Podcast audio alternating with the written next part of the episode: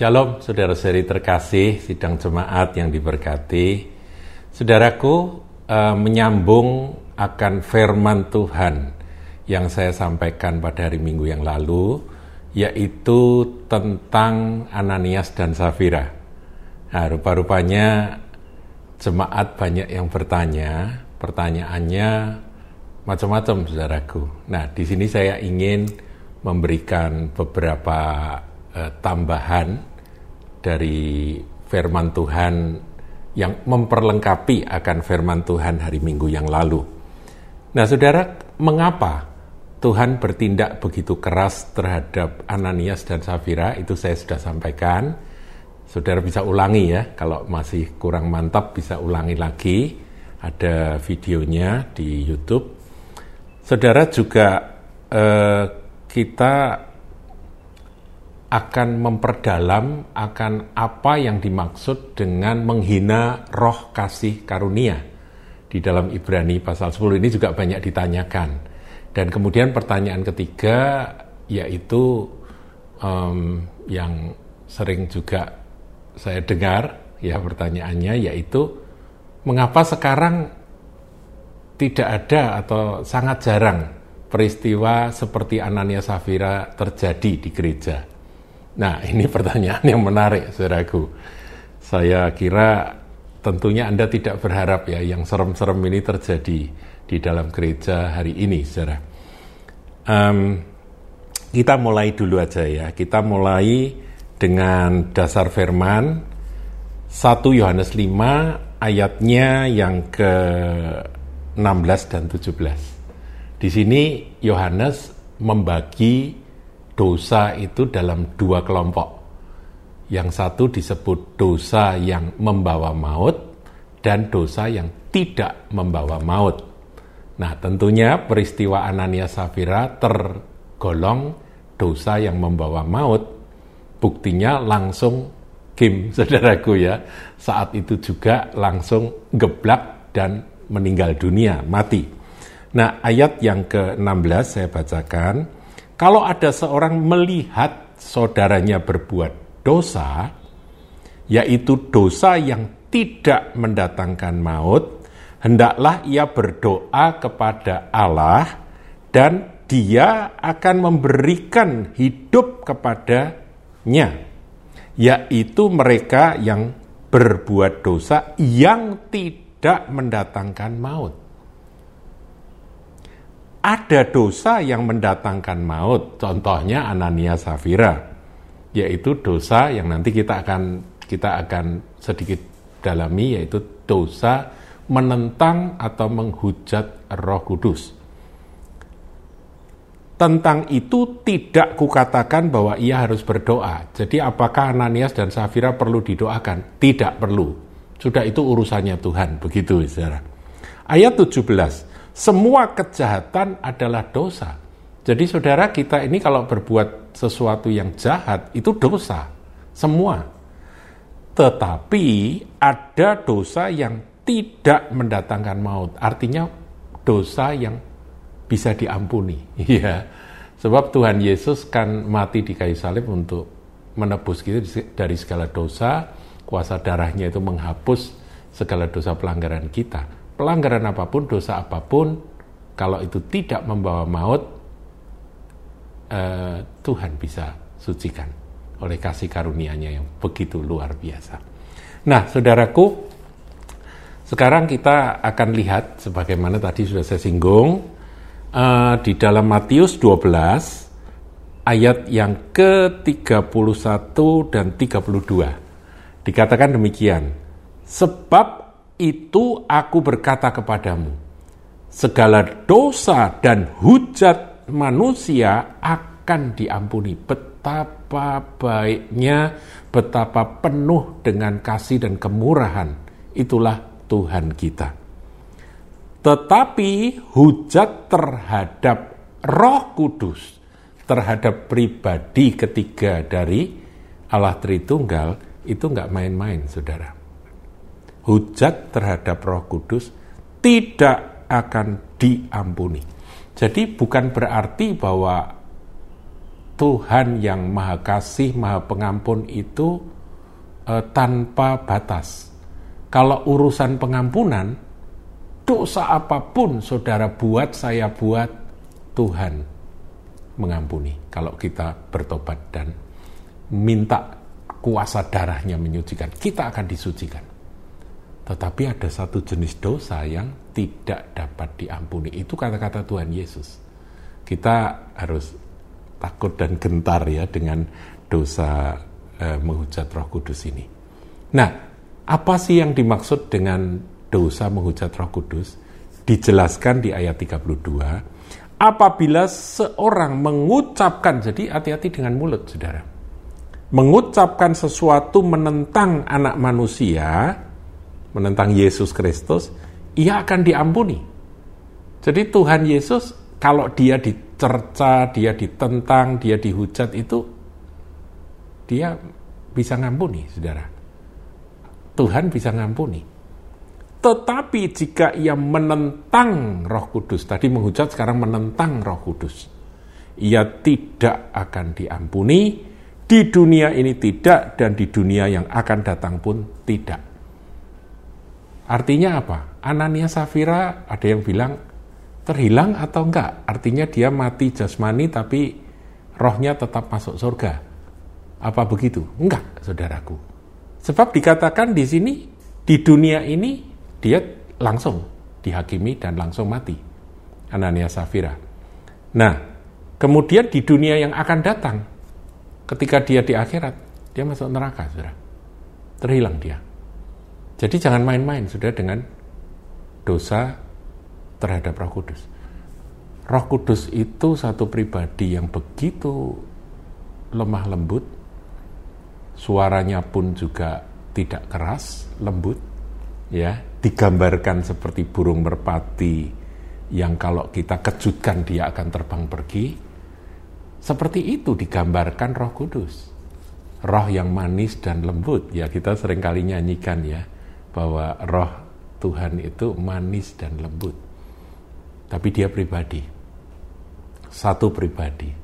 Dan kita harus memperlakukan Roh Kudus itu dengan penuh hormat kasih dan dengan penuh kelembutan dan juga dengan penuh meskipun kita akrab dengan Roh Kudus, kita harus hormat dan takut.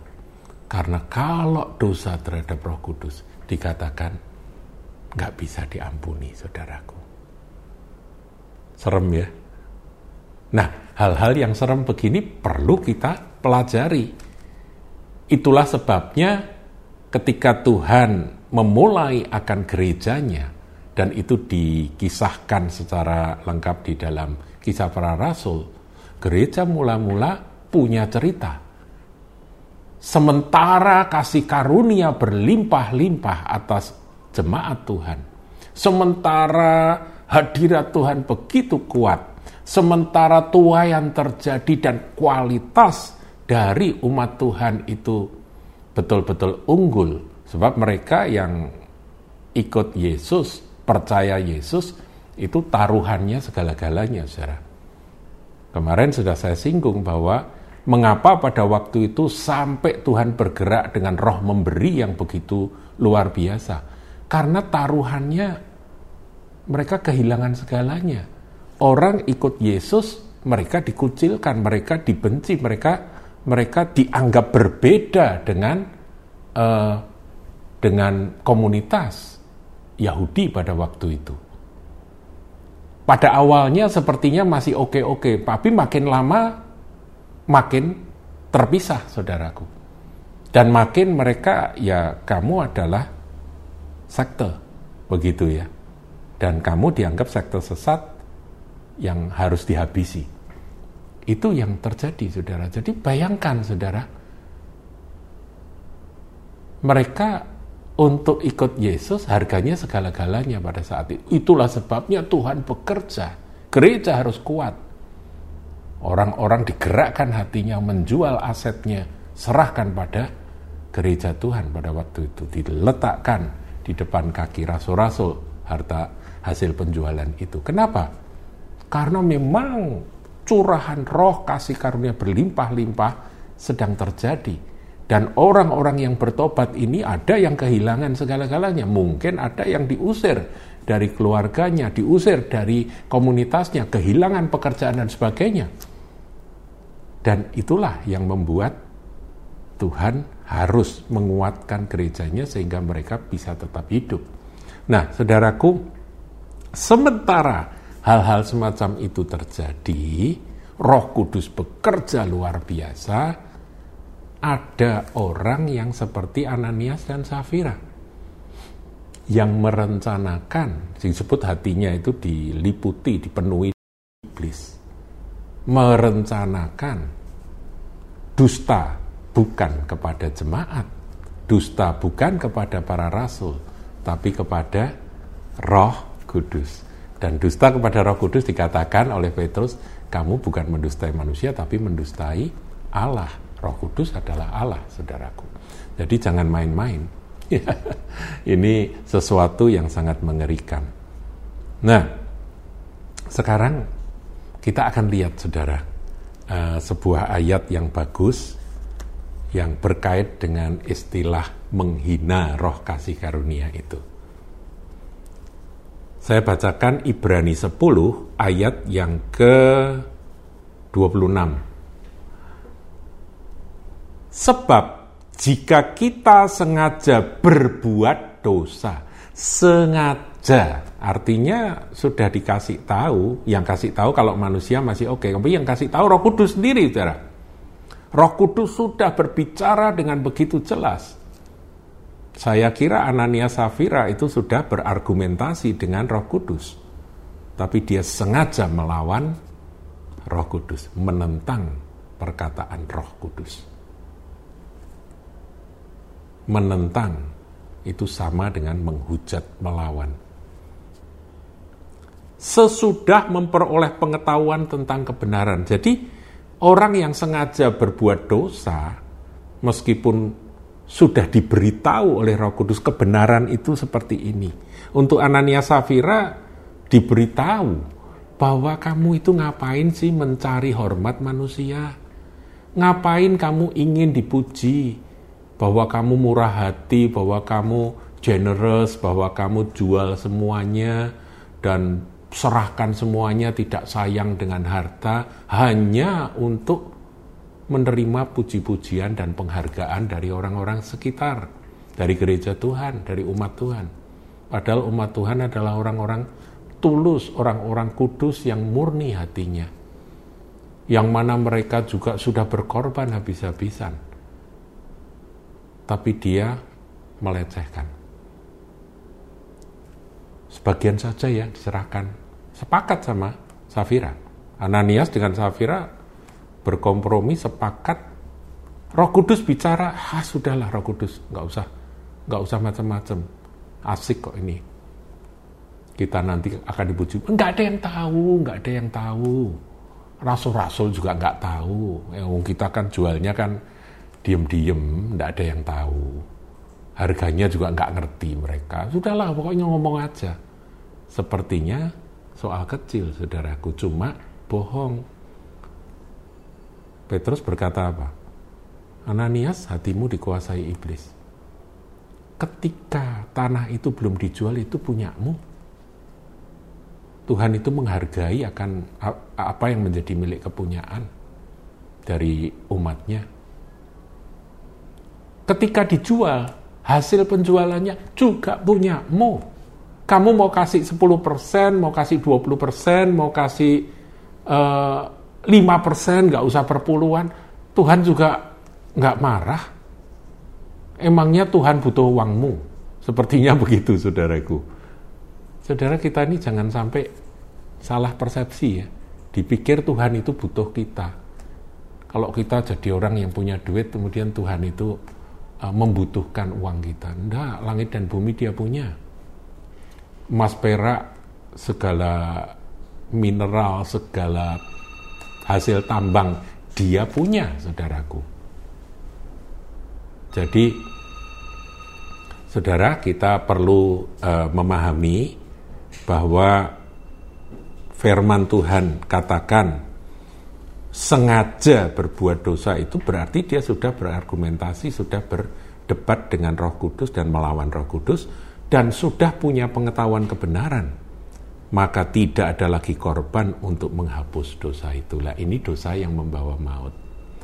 Tetapi yang ada ialah kematian yang mengerikan, itu ayat 27, akan penghakiman dan api yang dahsyat yang akan menghanguskan semua orang durhaka dikelompokkan orang durhaka itu Anania Safira. Jika ada orang yang menolak hukum Musa, ia dihukum mati tanpa belas kasihan dibandingkan dengan hukum Musa atas keterangan dua atau tiga orang saksi. Ayat 29 betapa lebih beratnya hukuman yang harus dijatuhkan atas dia yang menginjak-injak anak Allah, yang menganggap najis darah perjanjian, yang menguduskannya, dan yang menghina roh kasih karunia. Saya menggarisbawahi yang menghina roh kasih, kasih karunia. Kita kembali ke kisah para rasul pasal yang keempat, saudaraku. Kisah para rasul pasal yang keempat, di sana ada satu ayat, ayat 33, saya sampaikan, saya bacakan dan dengan kuasa yang besar rasul-rasul memberi kesaksian tentang kebangkitan Tuhan Yesus inti dari Injil dan mereka semua seluruh jemaat hidup dalam kasih karunia yang melimpah-limpah. Nah, kasih karunia yang berlimpah-limpah itu ada roh. Roh kudus yang disebut juga roh kasih karunia. Dan itulah yang dilawan oleh Ananias dan Safira menghina roh kasih karunia. Mereka mati. Nah pertanyaan yang terakhir yaitu mengapa sekarang tidak terjadi, tidak terulang peristiwa seperti Ananias Safira. Saya kira ada, pasti ada ya peristiwa-peristiwa tertentu seperti ini, tapi tidak se apa itu sedrastis di dalam kisah Anania Safira, tapi ada orang yang tiba-tiba mengalami kecelakaan, mati dan sebagainya. Kita nggak boleh menghakimi, saudaraku ya. E, tetapi itu urusan sama Tuhan ada, dan itu membuat orang gentar dan takut. Itu inti daripada peristiwa penghakiman yang Tuhan lakukan di dalam jemaat. Nah, ada yang berkata, Anania Safira ini bukan orang Kristen. Kalau bukan orang Kristen, urusannya ada di gereja Bukan Kristen tenanan, oh ya pasti, bukan Kristen sungguh-sungguh. Kalau sungguh-sungguh pasti takut roh kudus, saudaraku ya. Jadi kita nggak usah bahas itu. Yang penting ini pelajaran untuk kita semua. Biar kita takut dan gentar akan Tuhan. Dan jangan sekali-kali, kalau sudah urusan sama roh kudus, jangan uh, melecehkan atau menghina roh kudus. Nah, saudara, mengapa sekarang tidak terjadi? ini ya yang dinanti-nanti. Menurut saya, pertama, dalam kisah para rasul ini Tuhan meletakkan akan prinsip-prinsip dasar dari gereja. Yang pertama, gereja dasarnya adalah kasih karunia. Dan di dalam kasih karunia Tuhan itu kamu harus hati-hati. Jangan kamu menghina roh kasih karunia. Nah, kalau kamu mempermainkan, menghina roh kasih karunia, manifestasi apa pun yang kau kerjakan, perbuatan apa pun yang kau kerjakan, tapi di mata Tuhan itu termasuk kelompok menghina roh kasih karunia, maka yang terjadi adalah penghakiman. Penghakiman yang keras dari Tuhan. Itu memang sengaja ditaruh di pasal 5 ayat 1 sampai 11 ini, di kisah para rasul. Yang membuat jemaat itu benar-benar hormat akan Tuhan, takut akan Tuhan, mengasihi Tuhan, ya. Takut akan Tuhan, tidak boleh dilupakan. Kita hormat kepada dia. Nah, saudara, kemudian ini adalah awal dari gereja. Menurut saya, nanti di akhir zaman, betul-betul penghujung zaman, sebelum Tuhan datang, hal-hal semacam ini akan Tuhan kerjakan. Sekarang ini belum, saudaraku. Tapi nanti ketika curahan roh kasih karunia begitu luar biasa terjadi tuayan, terjadi pemurnian, terjadi pengudusan, uh, terjadi ini persiapan aniaya juga saudaraku ya. Terjadi betul-betul orang yang ikut Tuhan itu motivasinya adalah murni, nggak ada motivasi lain. Motivasinya adalah ingin ikut Yesus, ingin uh, apa beroleh akan keselamatan yang dari Tuhan. Ingin mengasihi Tuhan dengan segala sesuatu yang ada pada dirinya. Nah, pada waktunya nanti ketika itu terjadi, urapan Tuhan luar biasa, bukan sekedar urapan mujizat saja, tetapi komplit semuanya, kemurniannya, kesuciannya betul-betul meningkat dalam gereja Tuhan. Jangan main-main. Menurut saya, pengulangan kisah yang di awal berdirinya gereja. Nah, di akhir sebelum gereja selesai tugas di bumi, itu akan diulang. Jadi, wait and see, saudaraku. Jadi, menurut saya karena limpahan roh kasih karunia-Nya belum sedahsyat itu. Kekudusan dari umat Tuhan dalam gerejanya belum seperti itu belum seperti dalam kisah para rasul pasal 5 ini. Ketika kejadian uh, apa itu kesucian, kekudusan, oh, khidmatnya umat Tuhan seperti yang tercatat dalam kisah ras, uh, kisah para rasul uh, 34 ya 2 3 4 5 itu makanya maka expect aja saudaraku bahwa peristiwa Anania Safira bisa terjadi seperti yang Anda tanya saya kira paham ya saudaraku ya. Jadi ada ruang, ada halaman, ada ruang suci, ada ruang maha suci. Di ruang maha suci orang nggak sembarangan boleh masuk. Kalau masuk, kalau nggak diperlengkapi dengan dengan persyaratan yang sudah tertulis, mati. Termasuk imam besar pun bisa mati, saudaraku, kalau tidak memenuhi aturan yang ada. Jadi makin dekat dengan hadirat Tuhan dan urapan Tuhan, maka kita juga harus semakin takut dan gentar. Itu saja yang bisa saya sampaikan. Tuhan Yesus memberkati.